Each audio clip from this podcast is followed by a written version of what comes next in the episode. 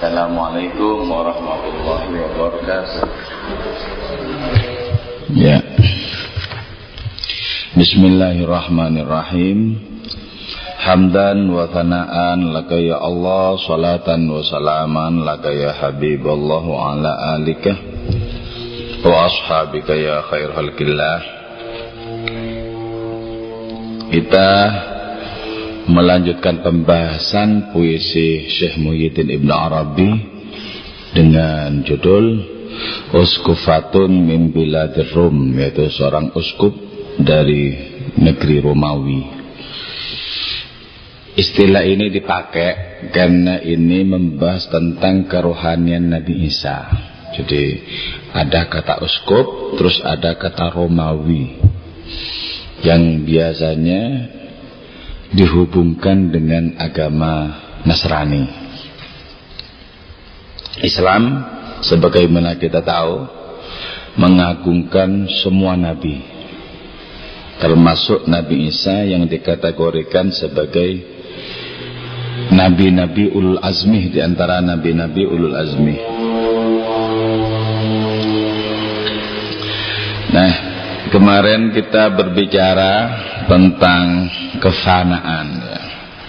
Fana itu artinya ketika seseorang kehilangan dirinya tersendiri karena tersedot oleh kemahaan Allah Ta'ala hingga tak sadar kalau diri itu wujud karena semata-mata orang menjadi habis seluruh kekuatannya dipukau oleh kemahaan Allah Subhanahu wa taala min kulli fatikatil alhal malikatin takhalwa fawqa arsyid durri bil kisa.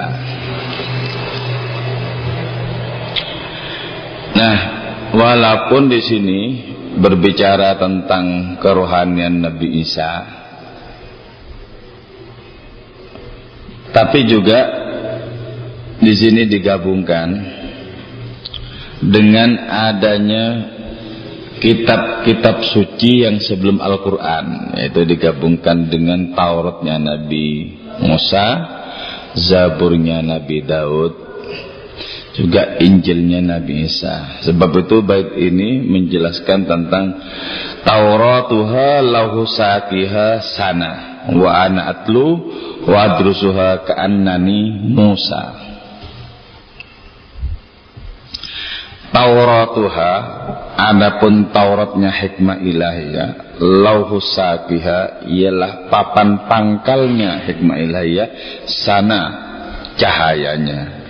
Wa ana dan adapun aku atlu ialah membaca aku. Wa adrusu dan mempelajari aku ha kepada itu Taurat. Karena nih seakan-akan aku Musa ialah Nabi Musa Semua kitab suci selain Al-Quran itu tidak ada yang berbicara dimensi zat Allah Semuanya berbicara pada dataran nama-nama Allah, sifat-sifat Allah. Nama-nama Allah itu mengerjakan sejumlah hal sebagaimana sifat-sifat Allah Ta'ala itu disaksikan terpaut juga dengan sejumlah hal.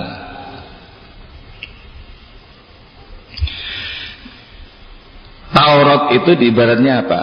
Lauhusakiha papan paling pokok yang membicarakan tentang sifat-sifat dan nama-nama Allah Subhanahu wa taala. Karena itu orang yang diwarisi kerohaniannya Nabi Musa, Nabi Isa atau Nabi Nabi Daud itu tidak akan pernah bisa memasuki dimensi zat. Tidak akan pernah bisa memasuki dimensi zat. Itulah sebabnya kenapa mereka itu kehilangan diri, fana, musnah karena didekap oleh kemahaan Allah Ta'ala yang tak terhingga. Coba Nabi kita. Nabi kita itu memiliki kesadaran yang sama-sama besarnya antara pentingnya hubungan dengan Allah dan pentingnya hubungan dengan sesama makhluk bercabang dua kata-kata Taurat itu berasal dari kata wara yang bermakna najah atau beruntung selamat nah Taurat itu raji'un ilan nur itu dikembalikan direferensikan kepada cahaya Allah Subhanahu wa taala. Dan itu menunjuk kepada empat malaikat yang sekarang menyunggi arsnya Allah taala. Kelak ketika sudah hari pengadilan empat malaikat ini akan ditambah dengan empat berikutnya yaitu menjadi delapan. Wa yahmilu arsya rabbika yawma idin thamaniyah. Delapan. Nah empat yang dimaksud dalam kitab Taurat itu di sini tadi dikonotasikan kepada empat malaikat tadi. Itu menunjuk kepada satu al-mishkat ya. Terus yang kedua al-misbah yang ketiga az-zujad dan yang keempat az-zaid. Nah di dalam Al-Quran Surat An-Nur ayat 35 Kita bisa mempelajari istilah-istilah ini Allahu nurus samawati wal ard Mathalu nurihi kamishkatin fiha misbah Dua. Al-misbahu fi zujajah Tiga. Az-zujajatu ka'annaha kawkabun durriyyu yuqadu min syajaratin mubarakatin zaitunatin. La syarqiyatin wala gharbiyah yakadu zaituha empat yudhi'u walau lam tamsashu nar nurun ala nur yahdillahu linurihi man yasha' ويضرب الله الأمثال للناس والله بكل شيء عليم ya. Pertama, miskat. Miskat itu apa? Imam Ghazali menulis kitab Miskatul Anwar. Miskat cahaya-cahaya. Miskat itu ceruk. Ceruk itu lubang di dinding yang tidak tembus. Itu gambaran tentang jasad kita. Ketika hati kita dipenuhi dengan cahaya petunjuk Allah Ta'ala Maka ibaratnya jasad kita itu adalah ceruk Dan cahaya dalam hati itu al-misbah Jadi dengan cara diungkapkan lewat perumpamaan-perumpamaan ini Orang bisa kenal bahwa Allah itu maha cahaya Masalu nurihi perumpamaan cahaya Allah Ta'ala itu kemiskatin seperti ceruk.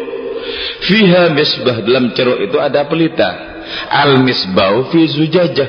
Pelita itu berada dalam kaca. Az-zujajah itu karena kau kabun Dan kaca itu seakan-akan bintang yang berkilauan. Yukodu min syajaratin mubarakatin. Yang dinyalakan dari pohon yang diberkati. Coba ya satu-satu ya. Yang tadi miskat menunjuk kepada badan. Terus al-misbah itu menunjuk kepada cahaya petunjuk dalam hati. Az-zujajah ini apa? Az-zujajah kaca itu apa sebenarnya? Kaca, ada kaca terus nanti zaitnya, minyak. Nah, ini di dalam kitabnya yang lain Ibn Arabi cukup panjang lebar menjelaskan tentang empat komponen ini. Panjang lebar menjelaskan tentang empat komponen ini. Nah zujaja ini yang disebut dengan kaca kaca ini ternyata menunjuk kepada lapis-lapis atau tingkatan-tingkatan hati jadi hati itu memiliki tujuh tingkatan. Banaitu fi jawfif ini adama qasran firman Allah dalam hadis qudsi. Aku membangun dalam diri manusia itu sebuah istana. Wa fil qasri sadran dalam istana itu ada dada. Wa fis sadri qalban dalam dada itu ada hati. Wa fil qalbi fuadan dalam hati itu ada fuad yaitu hati yang sudah terbentuk menjadi baik. Kalau qalb itu masih yataqallab berbolak-balik. Terus wa fil fuadi hubban. Dalam fuad itu ada hubban, hati namanya hub cinta. Wa fil hubbi syaghafan. Dalam hati barang itu ada syaghaf, cinta yang sangat. Wa fi syaghafi siran. Di dalam syaghaf itu ada sir. Wa fi. Aku itu firman Allah bersemayam dalam sir. Maka dalam hadis qudsi disebutkan juga al insanu sirri wa ana sirruhu. Manusia sempurna itu adalah sirku ya. Di sini bisa bermakna rahasia, bisa menjadi istana bagi Allah taala. Wa ana sirruhu. Aku ini istananya Al-Insanul Kamil atau rahasianya Al-Insanul Kamil. Orang yang mengenal Al-Insanul Kamil itu akan mengenal Allah secara otomatis. Maka karena itu kemudian Al-Qur'an menegaskan bahwa kesetiaan kepada Nabi identik dengan kesetiaan kepada Allah taala. Sebagaimana kebencian kepada Nabi adalah kebencian kepada Allah Subhanahu wa taala. Nah, dinyalakan yuqadu min syajaratin mubarakah dari pohon yang diberkati. Nah, pohon yang diberkati itu apa? Ibn Arabi menulis kitab berjudul Syajaratul Kaun, pohon alam semesta. Nah, pohon alam semesta itu maksudnya adalah nabi. Pohon alam semesta. Nabi adalah pohon alam semesta. Terus buah dari pohon alam semesta itu adalah terrealisasinya Nur Muhammad atau Al-Hakikatul Muhammadiyah dengan jasadnya yang lahir di Mekah itu. Jadi buahnya itu adalah Nabi Muhammad, pangkal atau bijinya itu adalah Al-Hakikatul Muhammadiyah atau Nur Muhammad. Ya. Semua lampu rohani di dunia itu pasti yuqadu min syajaratin mubarakatin, dinyalakan dari pohon yang diberkati. Kenapa kok disebut zaitunatin gitu ya? Ada apa hubungannya dengan pohon zaitun, dengan buah zaitun? Kok tidak menyebut tin gitu ya? Syajaratin mubarakatin zaitunatin la syarqiyatin wala. Yang disebut dengan zaitunatin itu. Nabi itu merupakan tafsir merupakan penjelasan komprehensif tentang dimensi-dimensi keilahian. Nabi itu menjabarkan partikular-partikular dari berbagai pengalaman keilahian. Sebagaimana buah zaitun. Buah zaitun. Yang merupakan komponen-komponen paling halus. Sehingga menjadi terperinci terterangkan terangkum semuanya di situ. La syarqiyatin tidak berada di sebelah barat sesuatu maupun di sebelah timur segala sesuatu. Artinya apa? Nabi itulah yang mencakup segala-galanya. Jadi tidak bisa dikatakan di sebelah baratnya atau sebelah timurnya. Sebab disebut di sebelah baratnya, di sebelah timurnya juga ada. Disebut di sebelah timurnya, di baratnya ada. Disebut di atasnya, di bawahnya ada. Disebut di bawahnya, di atasnya ada. Nah, dari la syarqiyatin ini, kita bisa menemukan Allah tidak saja di atas kita. Misalnya kata katakan yang maha tinggi, yang maha mulia. Enggak, juga bisa bisa menunjuk ke sana sebenarnya. Karena itu kalau dalam hati disebutkan, andaikan seseorang diletakkan di kerek, kerek keagungan Allah Taala, dimasukkan dalam sumur, nanti pasti nginjeknya nginjeknya Gusti Allah itu. Artinya Allah itu mengepung kita dari berbagai arah bahkan menyelusup ke dalam diri kita. Nabi yang merupakan personifikasi paling lengkap tentang Allah Subhanahu wa taala. La syarqiyatin wala gharbiyah. Karena itu yakadu zaita yudhi'u. Minyaknya saja, minyaknya saja. Berbagai macam fasilitas keilmuan petunjuk yang diberikan oleh Nabi. Yudhi'u laulam tamsa sunar, menyala walaupun tak disentuh oleh api. Itu dari saking kuatnya jernih, dari saking kuatnya petunjuk dari saking kuatnya bimbingan. Nah, adanya empat komponen ini tadi ya, itu secara gamblang, secara mujmal, tidak terperinci. Itu ada dalam kitab Taurat, ada dalam kitab Taurat. Semua kitab samawi sebelum Al-Quran itu hanya bersifat global. Global. Nah penyempurnaan dan perincian semuanya itu itu dikandung oleh Al-Quran. Nah, di sini ada kata-kata sana ya, yang bermakna cahaya Taurat laukusaki hasana. Tauratnya hikmah ilahiyah itu adalah papan paling pokok Apanya? Sanan. Cahayanya. Terus kata-kata atlu wa ana atlu wa adrusuha ka annani Musa. Atlu itu artinya atabi'u. Jadi ketika Syekh Muhyiddin Ibn Arabi itu mengkaji Taurat itu ya. Itu beliau mengikuti Taurat sebagaimana orang mengikuti rute dalam sebuah perjalanan. Wa adrusuha. Adrusu itu bermana apa? Atau aftraha. Mengikuti jejaknya.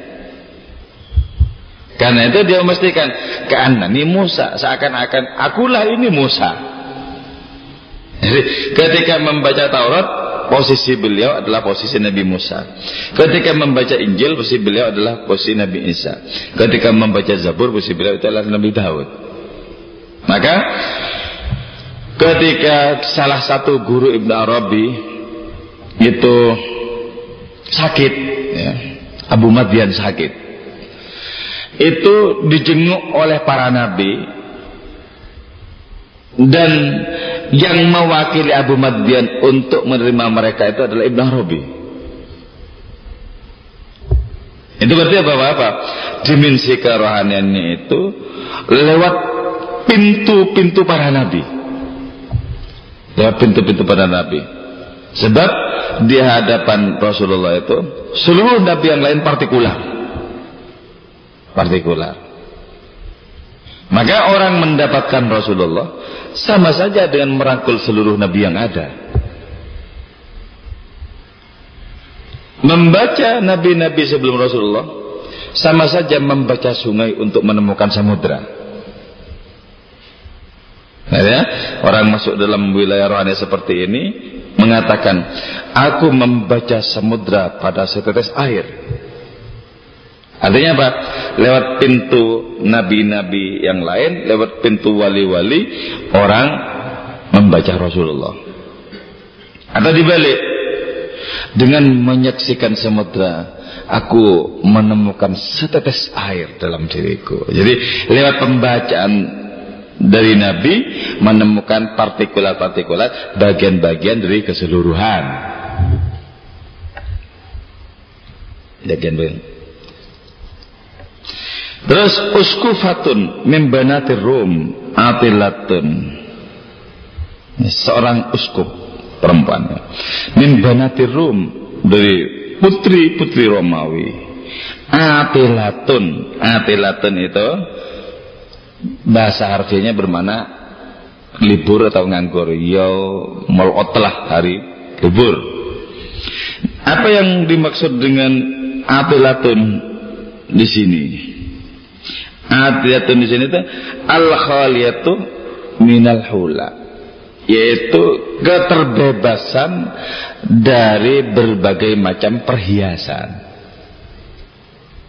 keterbebasan dari berbagai macam perhiasan. Nah, terbebas dari berbagai macam perhiasan itu maksudnya apa? Laisa 'alaiha min zinatil asma'illah atharun. Ay laisa atharun 'alaiha min zinatil asma. Kanahu ja'ala dzatiyatan la asma'iyatan wala sifatiyatan. Jadi rohani seseorang ketika memasuki kesunyian kesendirian memasuki kesunyian kesendirian orang ini akan terbebaskan dari berbagai macam perhiasan sifat-sifat Allah dan nama-nama Allah. Sifat-sifat Allah, nama-nama Allah mengurusi makhluk-makhluknya. Ketika orang terbebaskan dari seluruh belenggu makhluk, terbebaskan dari seluruh belenggu makhluk, tak terpukau lagi dengan rayuan seluruh makhluk, orang ini memasuki sunyi kesendiriannya. Memasuki sunyi kesendiriannya. Nah ketika memasuki sunyi kesendiriannya itu hanya tinggal satu. Tinggal satu tahap lagi. Ketika ini sudah disingkapkan orang hancur.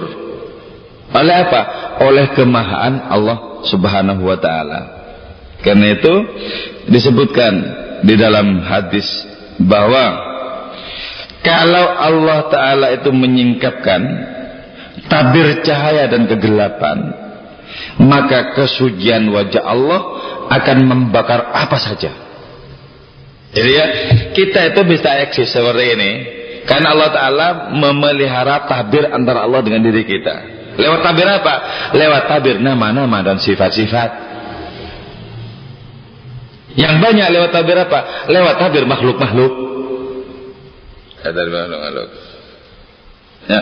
Ketika ini disingkapkan sepenuh-penuhnya, la ahrakat sabahatu wajhi kullasyai. Maka kesucian-kesucian wajah Allah taala itu akan membakar segala sesuatu yang ada. Nah, secara personal orang bisa mengalami seperti ini. Ketika orang menyaksikan bahwa sesungguhnya segala-galanya itu adalah Allah semata-mata. Segala-galanya. Itulah yang disebut dengan fana. Yaitu orang terhijab oleh Allah sampai tak menyaksikan makhluk. Fana. Terhijab oleh Allah Ta'ala sampai tak menyaksikan makhluk. Nah, kalau di dalam Islam yang sempurna itu adalah orang tak terhijab oleh kedua-duanya. Oleh makhluk tak terhijab tetap menyaksikan Allah. Oleh Allah tak terhijab tetap menyaksikan makhluk. Itu gambaran tentang Nabi kita ya. Gambaran tentang Nabi kita. Karena itu Nabi sujud menghadap kepada Allah Ta'ala dengan kemutlakan ketenggelaman secara tauhid. Nah ketika digendongi oleh salah satu cucunya. Nabi sadar betul, ini harus selamat ini, cucu ini. Kalau sampai tidak pas waktunya mengangkat diri dari sujud, anak itu bisa jatuh. Jadi, secara transenden total tenggelam kepada Allah Ta'ala. Dan itu tidak mengurangi setitik debu belas kasihnya kepada makhluk. Karena itu loh, sama-sama full. Tidak salah satunya menghijabi Nabi. Dunia tak bisa menjadi hijab bagi Nabi. Sebagaimana Allah tak menjadi hijab bagi Nabi. Itu puncak dari rohani. Ketika sudah disempurnakan oleh Allah Ta'ala. Karena itu Nabi-Nabi sebelum beliau tidak ada yang mencapai kesempurnaan model seperti itu. Nabi Isa mabuk kepada Allah Ta'ala tak menyaksikan makhluk. Sehingga disangka Tuhan oleh kaumnya. Sementara Nabi Musa berjerih payah untuk menyaksikan Allah Ta'ala tak kunjung bisa. Rabbi arini anzur ilaik qala lan tarani walakin anzur ilal jabali fa in istaqarra makanahu fa sawfa tarani. Falamma tajalla rabbu lil jabali ja'alahu daka wa kharra Musa sa'iqa. Nabi Isa dari saking mabuknya ya malah unsur keakuannya yang keluar Itu bukan keakuan Nabi Isa karena Nabi Isa sudah suung kosong. Obriul akmah wal abros aku sembuhkan penyakit kusta. Oh mauta aku hidupkan orang mati. Aku menjadikan lempung berubah menjadi burung. Saya membaca dalam kitab Hayatul Hayawan itu. Burung apa sih sebenarnya yang diciptakan oleh Nabi Musa, Nabi Isa itu kan? yang lempung dipegang jadi burung. Ternyata kalau dalam kitab Haidul Hayawan itu itu kelelawar itu loh wujudnya. Jadi sebelum Nabi Isa nggak ada kelelawar. Nabi Isa megang lumpur pegang lempung jadi burung. Kelelawar itulah wujudnya. Jadi kalau dalam kitab Haidul Hayawan itu ada faedahnya juga di situ. Kalau sampean ambil burung kelelawar itu matanya digoreng jadi diurusin ke sini Ya, orang bisa padang melihat dalam kegelapan. Dulu sering kali dipakai polisi untuk mencari pencuri. Biarpun dikejar kegelapan bisa ngelihat. Ada satu rahasia lagi di sana sebenarnya itu layawan. Kalau dicampur dengan binatang tertentu, kayu aja bisa tembus kok. Dipakai. Melihat kayu bisa tembus. Jadi kalau ikut judi bisa menangan sebenarnya.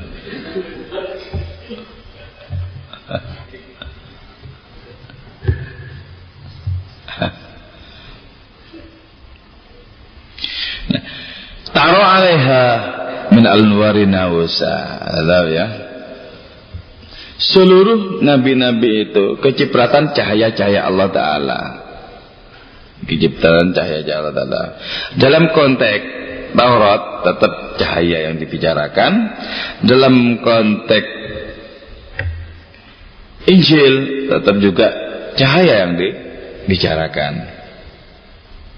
Nah, tapi gini, kalau orang itu sudah terbebaskan dari cengkraman nama dan sifat Allah Ta'ala itu mabiha unsun orang tidak memiliki kenikmatan dan kerinduan nggak ada jadi kalau sudah bisa diterobos sifat Allah dan nama Allah Misalnya sudah menyaksikan segala sesuatu dikelola oleh nama Allah. Sudah menyaksikan sifat-sifat Allah berpendar kepada segala sesuatu. Sudah sampai di zat sampai di zat itu orang tidak memiliki kenikmatan. Tidak memiliki kenikmatan. Jadi ternyata nikmat itu berada dalam jarak. Berada dalam jarak. Misalnya gini, kalau sepenuhnya aku itu adalah engkau, bagaimana mungkin aku punya kenikmatan merayu engkau? Ya, kalau sudah sepenuhnya kan gitu. Jarak itulah yang menciptakan adanya kenikmatan. Nah, ketika orang sudah tenggelam sepenuh-penuhnya, apa nikmatnya? Kalau sudah seluruh gerak-geriknya adalah Allah Ta'ala semata. Karena itu kerinduan yang sangat nikmat itu justru dipertegas oleh adanya jarak. Adanya jarak. Kerinduan itu kan penderitaan sekaligus kenikmatan. Itu dipertegas oleh jarak. Kalau sudah nggak ada jarak, lah nggak usah menggebu-gebu lagi. Sudah nggak ada jarak. Makanya di sini disebut wasiatun mabia unsun. Qadit fi baiti khalqwa li dzikri nawusa. Qadit taqadat sungguh telah menjadikan itu hikmah ilahi atau uskufa fi baiti khalwatiha di rumah khalwatnya itu uskufa. Rumah khalwat itu hati. Dzikir untuk zikir nawusa terhadap kebaikan. Eh nawusa terhadap kuburan. Nawus itu ya kuburun min ruham yaitu kuburan dari pualam. Sebagaimana tradisi para raja Romawi membuat kuburan mereka dari pualam. Jadi singgah sananya tempat orang tadi sudah melintasi sifat dan nama Allah Taala itu digambarkan sebagai kuburan, rumah kesendirian itu loh. Rumah kesendirian.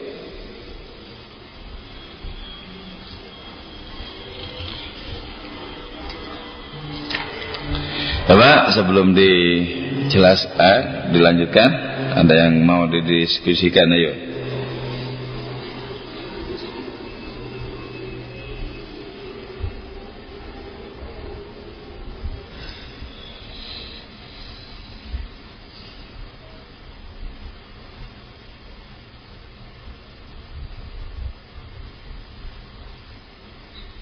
Taurat.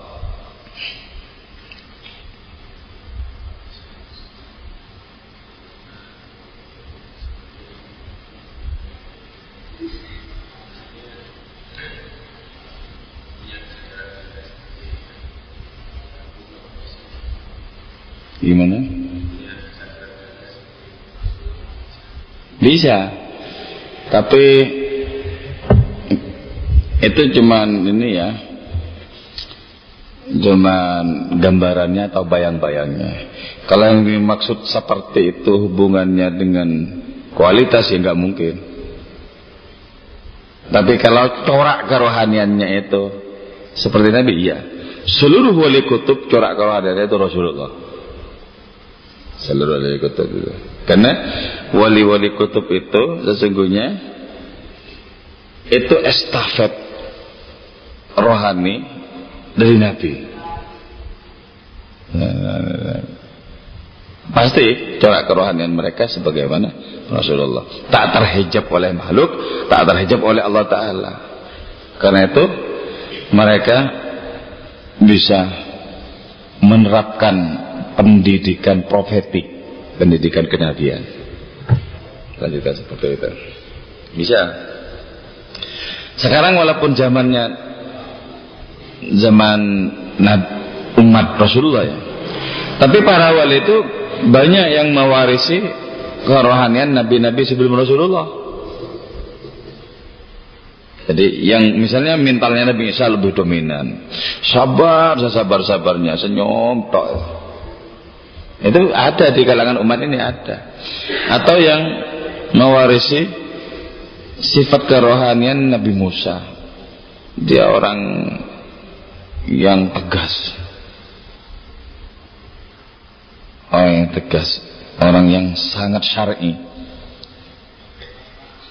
Bukan FPI tapi.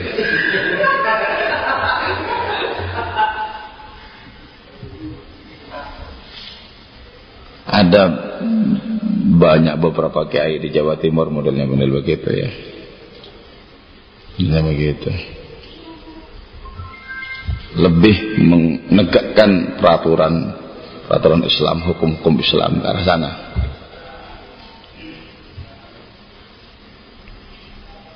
Ada yang mewarisi sifat kerohaniannya Nabi Daud. Ya, orang-orang hatinya terbersihkan oleh musik dan keindahan.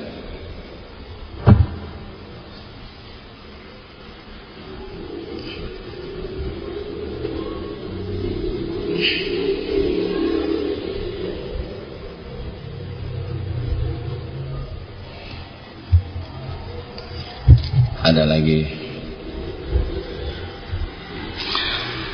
Tapi paham apa enggak paham?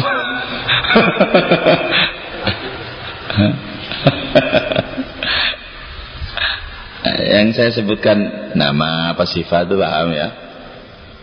Ya gimana coba?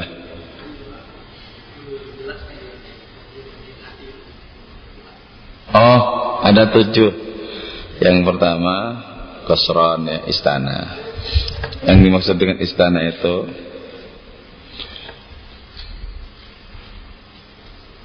adanya potensi, adanya kemampuan untuk bisa menampung menampung cahaya Allah. Semua manusia memiliki kemampuan itu. Entah kemampuan itu dipakai atau tidak. Yang jelas ayat fa'alhamaha fujurah wa taqwa itu untuk semua person, untuk semua manusia. Kalau sodron yang disebut dengan dada itu, itu setiap orang sesungguhnya memiliki kesigapan. Sodr itu bermakna terdepan atau bermakna dada. Setiap orang itu sesungguhnya memiliki semangat rohani. Entah itu tetap dipertahankan atau sudah dikalahkan oleh adanya rasa tamak oleh adanya kekalahan terhadap rayuan-rayuan duniawi dan lain sebagainya. Terus yang ketiga kolab ya. Kolab itu disebut kolab karena ia takolab berbolak-balik hati itu. Sumyal qalbu qalban li taqallubihi. bolak-balik. Jadi kalau nafsunya menang, hati seorang bisa menjadi buruk karena jadi sarang nafsu. Tapi kalau roh menang, hati orang menjadi bersih karena segala yang kotor sudah terusir. Tiga. Kalau fuad itu jelas sudah hati yang baik. Karena itu disebutkan maka zabal fuadu mahroa, bukan maka zabal kolbu. Ya. Maka zabat tidaklah berbohong al fuadu apa hati yang sudah terbentuk baik itu mar'a terhadap suatu yang dilihat yang melihat itu fuad jadi apa pun yang disaksikan oleh hati orang yang sudah terbentuk menjadi baik itu pasti sebagaimana disaksikan. Artinya apa? Tidak akan pernah berbohong sedikit pun. Terus yang kelima itu hope. Hope.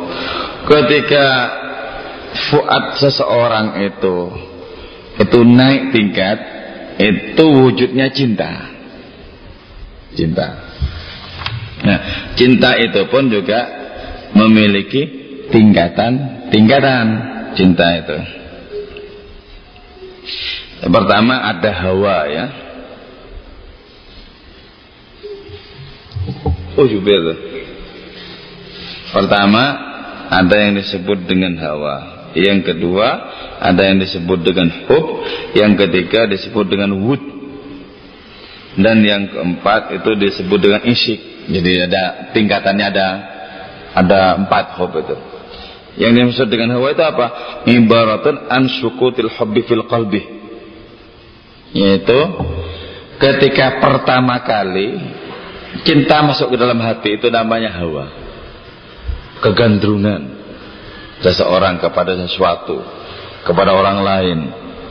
Ketika pertama kali jatuh ke dalam hati itu namanya hawa Fa dalam lam yusyariku amrun akhar wa khulusalahu wa safa. Jadi kalau sudah tidak tercampur dengan perkara yang lain, sudah tersucikan dan bersih, namanya hub cinta. Jadi kalau keinginan itu kan bisa bercampur-campur. Karena bercampur-campur. Di situ ada ambisi-ambisinya juga. Di situ juga ada pamrihnya, itu hawa. Kalau sudah bersih murni, tidak ada hubungannya dengan ambisi dan pamrih, itu namanya cinta. Kalau masih ada pamrihnya, memberikan sesuatu agar mendapatkan sesuatu yang lain, belum sampai di cinta ini. Sampai di cinta. Itu membebaskan, tidak membelenggu. Tapi cinta juga menjaga, tidak membiarkan. Nah kalau sudah kukuh, faedah sabata sumiwudan. Jadi kalau sudah kukuh dalam hati, cinta yang suci tadi, yang tak terkotori oleh pamrih dan hawa nafsu itu, kalau sudah kukuh, namanya wud. Faedah anakol kalbah, kalau sudah membelit hati, wal asyak dan batin, kalau orang sudah dibelit hatinya, batinnya oleh cinta, maka itu dinamakan isyik eh, isyik itu tingkatan tertinggi ya, karena istilah itu asyik masuk dengan tertinggi. Nah isyik itu apa sebenarnya al-labalabatul musyawwika yaitu bunga bakung yang berduri maksudnya apa keindahannya ada ancaman-ancaman juga ada tapi apa artinya ancaman bagi para pecinta enggak ada masalah jadi itu ya hob. Terus di atasnya hob itu syawaf. Syawaf itu cinta yang bergelombang. Cinta yang serupa badai. Yang sangat kuat, yang terlalu. Nah, dalam syawaf itu ada sir. Itu tingkatan tertinggi. Sir. Tingkatan tertinggi. Sir itu sudah rahasia kekasih dan pecinta berkumpul di situ. Siapa yang menyaksikan kekasih, di situ dia akan menyaksikan pecinta, menyaksikan pecinta dia menyaksikan kekasih. Kau pandang aku baik-baik kata Syekh Husain bin Mansur al-Halad. Kau akan menemukan Allah.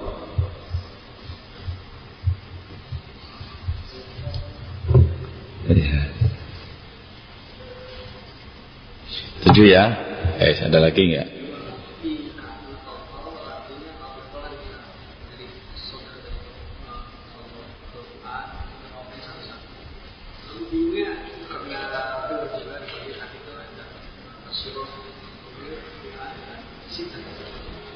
Basiro itu ini itu pasangannya basor kalau basiro basor mata kepala basiro mata hati. Apa lagi tadi? Ya itu?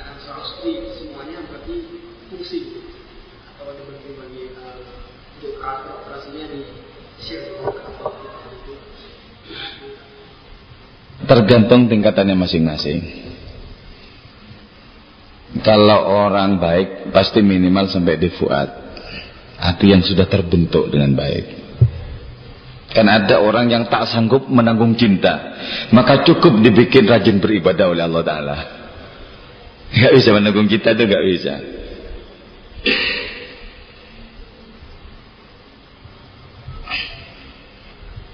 Apalagi menanggung syawaf apalagi menanggung sir. Jadi sesuai dengan tingkatannya masing-masing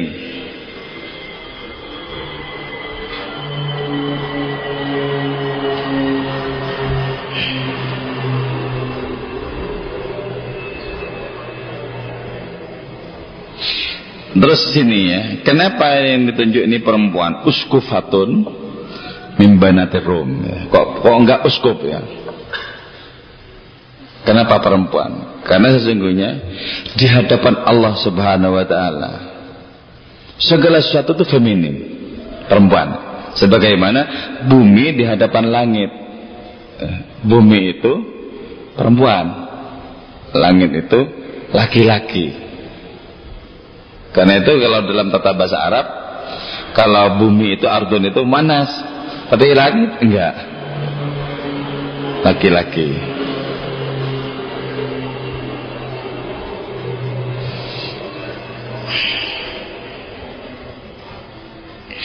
Segala sesuatu di hadapan Allah Subhanahu wa taala itu itu hanyalah merupakan piringan yang menampung cahaya-cahaya. Karena itu di sini disebutkan uskufatun. Bukan uskuf. Min dari putri-putri Romawi.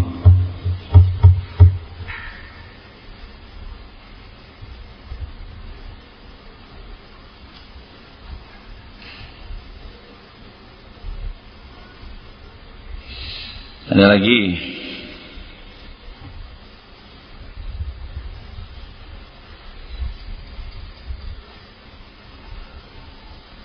Hmm.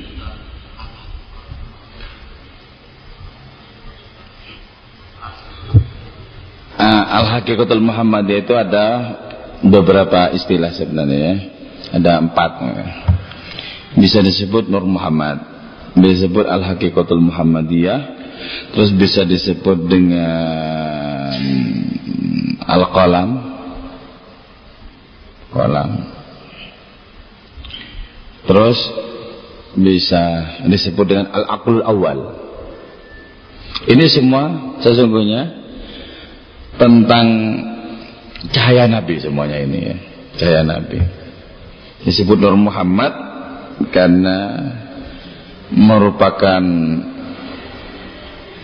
makhluk yang pertama kali menerima dan menampung cahaya Allah Ta'ala disebut Al-Hakikatul Muhammadiyah karena cahaya ini merupakan hakikat dari kedirian Nabi Muhammad disebut dengan al-akul awal karena ini merupakan akal universal yang bisa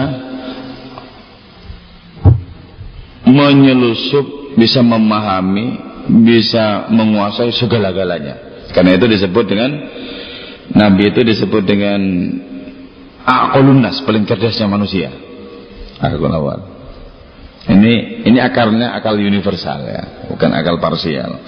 Kalau istilah Maulana Rumi, akal parsial itu hanya akan melahirkan segala sesuatu yang fana dan musnah oleh waktu. Tapi akal parsial itu melahirkan segala sesuatu yang bisa menembus tembok-tembok waktu. Karena itu adalah hadis Nabi sampai kapan pun pasti berlaku itu sampai kiamat. Tapi kalau buku-buku para intelektual itu bisa bisa nggak kepake. Pakai. Ini alakul awal. Seluruh kecerdasan alam raya menerima dari Rasulullah. Kecerdasan alam raya menerima dari Rasulullah. Terus disebut dengan hmm, al-qalam ya, pena. Karena semua ilmu pengetahuan hakikatnya digoreskan oleh pena Nabi. Bahkan ilmu yang di mahfud hanyalah merupakan bagian dari ilmu yang digoreskan oleh Nabi.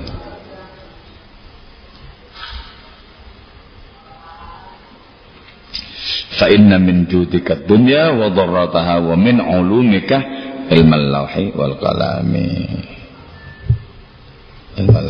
Kalau dalam Alfia ketika khobar didahulukan itu menunjukkan adanya spesifikasi ya. Kan misalnya gini minjudika ad-dunya ya. ya termasuk dermamu ad-dunya adanya dunia ini ya.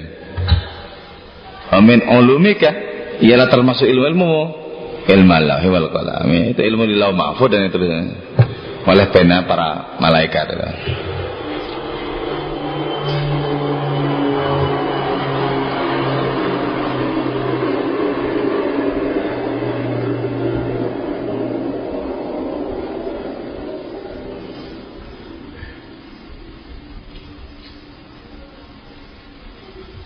Yes. Ya. Menurut para sufi itu musibah apa yang paling besar yang pernah terjadi dengan sejarah Mesir? Hmm. Pernah ya. Syekh Abu Bakar Shibli itu ketemu dengan orang asing. Ketemu dengan orang asing. Apa yang paling berat? Yang pernah dialami oleh orang-orang yang menempuh lorong rohani. Kesabaran katanya kan, yang paling berat. Lah kesabaran. Kesabaran banyak macamnya kata orang asing itu. Model kesabaran seperti apa yang terberat? Ya. Melaksanakan perintah kata Ibu Karsipli itu. Bukan katanya. Menjauhi larangan. Bukan. Sabar menghadapi bencana-bencana. Bukan. Akhirnya karena tidak punya jawaban, agak setengah marah Bu Karsipli itu. Terus apa kalau semuanya bukan? Yaitu menanggung penderitaan karena jauh dari Allah. Itu yang paling baik ya. Jadi kalau cuma bencana-bencana nggak ada apa-apanya dibandingkan orang merasakan jauh dari Allah Ta'ala dan tak mudah ternyata untuk menekuk jarak antara dirinya dengan Allah. Pahit itu. Jadi karena itu yang disebut neraka paling neraka itu ketika orang terlempar jauh dari Allah itu paling pahitnya kehidupan. Sebaliknya, surga paling surga itu adalah ketika orang berdekatan dengan Allah bahkan merasa memiliki Allah. Ya, kan itu di Jawa Timur ya.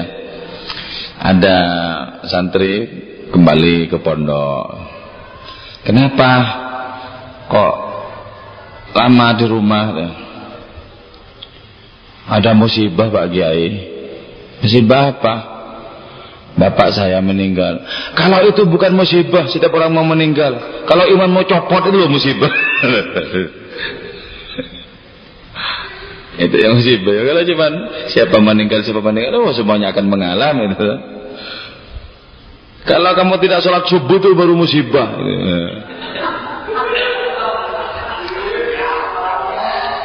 Malah nggak sholat bolak balik malah nyengir. Oh, musibah sebenarnya itu lebih musibah timbang gempa itu sebenarnya. Cuma nggak merasa. Kenapa? Karena sudah sudah kadung berkelindan ya. Sudah menjadi kawan.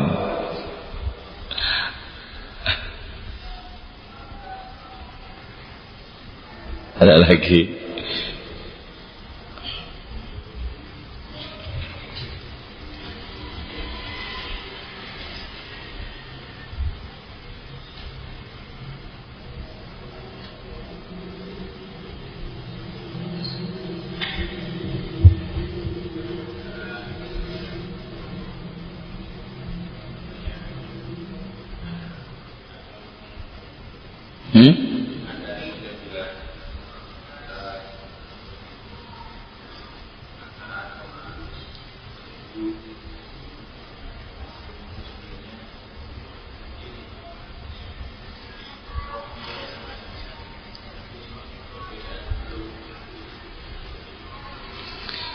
Kalau yang dibicarakan itu Tuhan, bisa dipastikan semua agama sama. Cuma penyebutan yang berbeda. Tapi dalam Islam syahadat itu ada dua, ini yang jadi persoalan loh. Wa asyhadu anna Muhammadar Rasulullah. Ini nggak bisa dihapus. Andai kan cuma asyhadu alla ilaha illallah, Islam persis sama dengan kejawen. Sang yang widi sing gawe urip apa macamnya kan. Tapi ketika sampai di asyhadu anna Muhammadar Rasulullah, mereka nggak paham posisi Nabi itu apa sebenarnya gitu loh. Itu berarti apa? Nabi itulah orang yang paling lengkap menerjemahkan Allah. Gitu. Karena itu tidak boleh tidak lewat pintu ini kita. Lewat pintu Nabi ini. Jadi kalau masalah ketuhanannya sama persis ya. Karena itu ada yang menyederhanakan definisi begini. Islam itu apa? Oh Islam itu sesungguhnya Nasrani yang disederhanakan.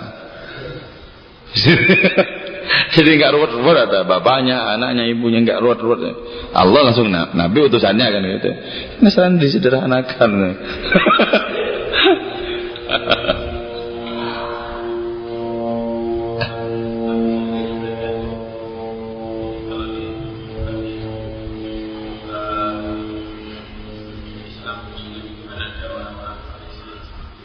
Ada orang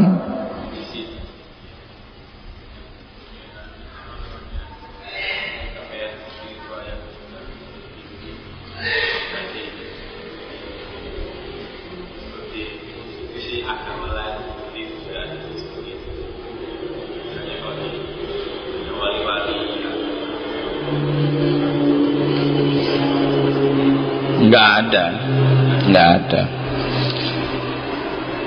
Kalau Islam itu kan gerbong ya, gerbong-gerbong dari Nabi Adam gerbong-gerbong. Jadi nggak ada istilah gerbong yang jejerannya itu yang sebelahnya itu nggak ada. Kalau rel relnya satu, di sini mau lewat rel mana? Oh nggak ada relnya itu berjejer nggak bisa di belakangnya. Karena itu gini, ketika seorang nabi diutus, nabi pembawa syariat, maka otomatis sudah memperbaharui syariat yang sebelumnya dan secara otomatis tidak di, dipakai. Dipakai. Semuanya asli, asli. Semua agama samawi itu asli. Cuman seperti uang gitu loh.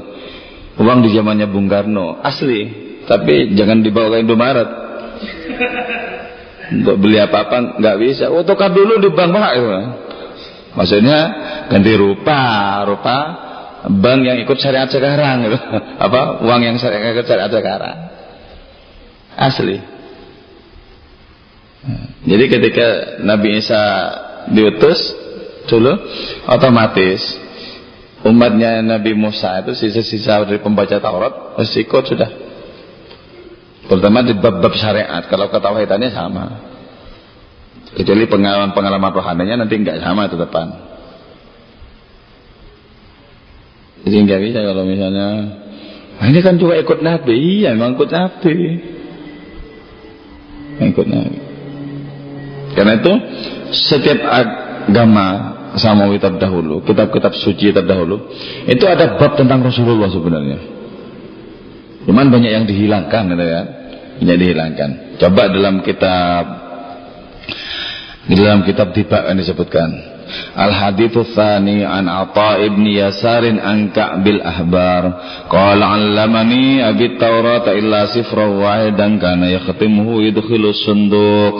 Falamma mata abi fatatu fa idza fi nabiyyun yakhruju akhir zaman. Mauliduhu bi makkah wa hijratuhu bil madinah wa sultanuhu bisyam yakusu sya'ra dan seterusnya ya. Ya, Kabil Ahbar itu pembaca Taurat, pembaca Injil, ya, pembaca kitab-kitab terdahulu. Dan Ka'bul Ahbar itu dengan seksama membaca. Karena itu tidak buru-buru masuk Islam. Di zaman Nabi nggak masuk Islam dia. Ka'bul Ahbar. Itu nanti zamannya Sayyidina Umar masuk Islam. Kata Ka'bul Ahbar itu, Alamani Abi Taurat, bapakku ngajari saya Taurat. Illa sifran wahidan kecuali satu bagian itu. Satu kuras. Karena yaktimu itu sunduk. Itu ditutup masukkan dalam kotak. Falamma mata abi fatatu ketika bapakku sudah meninggal, saya buka kotak itu isinya apa? Faidha fi nabiyyun akhir zaman ternyata itu keterangan nabi akhir zaman. Sudah jelas di situ lainnya. Maulidu di Mekah sudah jelaskan di tahun itu. Lahirnya di Mekah, hijrah itu bil Madinah, hijrahnya di Madinah, Sultan Syam kekuasaan sampai di Syria. Ya khusus sya'rahu rambutnya pendek enggak gondrong seperti seniman. Wayat taziru ala wasati mengenakan sabuk sehingga tidak seperti saya. Yakunu khairul anbiya itulah paling baiknya nabi. Wa ummatu umatnya khairul umam sebaik-baik umat.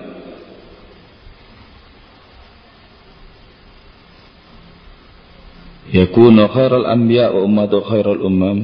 Yukabbiruna Allah taala ala kulli syaraf.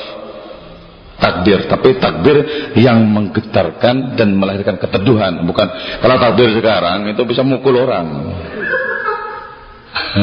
Yukabbiruna Allah Ta'ala kala kulli surat. Yasuffuna fi sholati kasufufin fil qital. Mereka bersop-sop dalam salat sebagaimana mereka bersop-sop di peperangan. Qulubuhum masahibuhum yahmadun Allah. Hati mereka adalah catatan-catatan amal mereka. Jadi mereka itu teliti betul. Kelalaian seperti apa yang sudah melanda hatiku dicatat betul dosa seperti apa hari ini yang sudah menguasai hatiku catat betul Kulubum masahibum Yahmadun Allah Ta'ala Ini yang hebat ya Yang jarang umat Islam memiliki ini Yahmadun Allah Ta'ala Ala kulli syidati wa Yang akan senang Menderita memuji Allah tetapan Alhamdulillah atas penderitaan yang kau kirimkan ini Itu enggak ada Karena itu kalau sampai bisa begini Maka.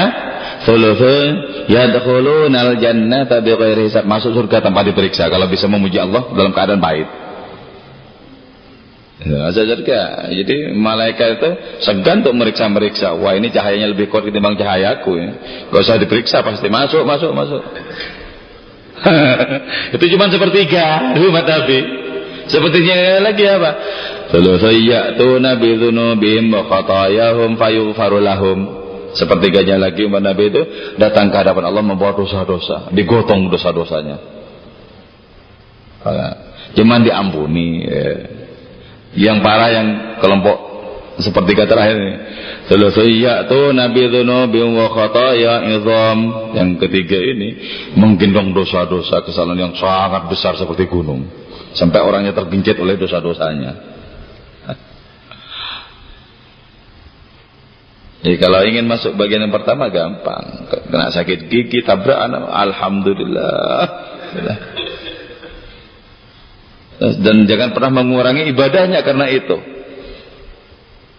Syekh Abdul Qadir Jailani misalnya pernah di malam yang sangat dingin karena berada di musim dingin itu junub 40 kali dan mandi selama 40 kali.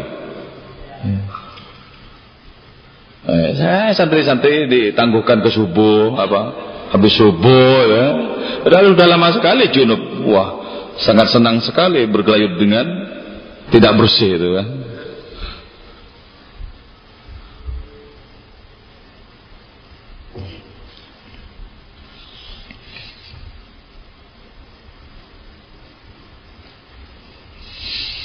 Ada lagi? Ibn Arabi ini prototipe orang yang merangkum rohani-rohani para nabi. Rohani-rohani para nabi. Karena itu kecemerlangan ilmu pengetahuan, kecemerlangan akhlak itu bersatu padu dalam diri beliau.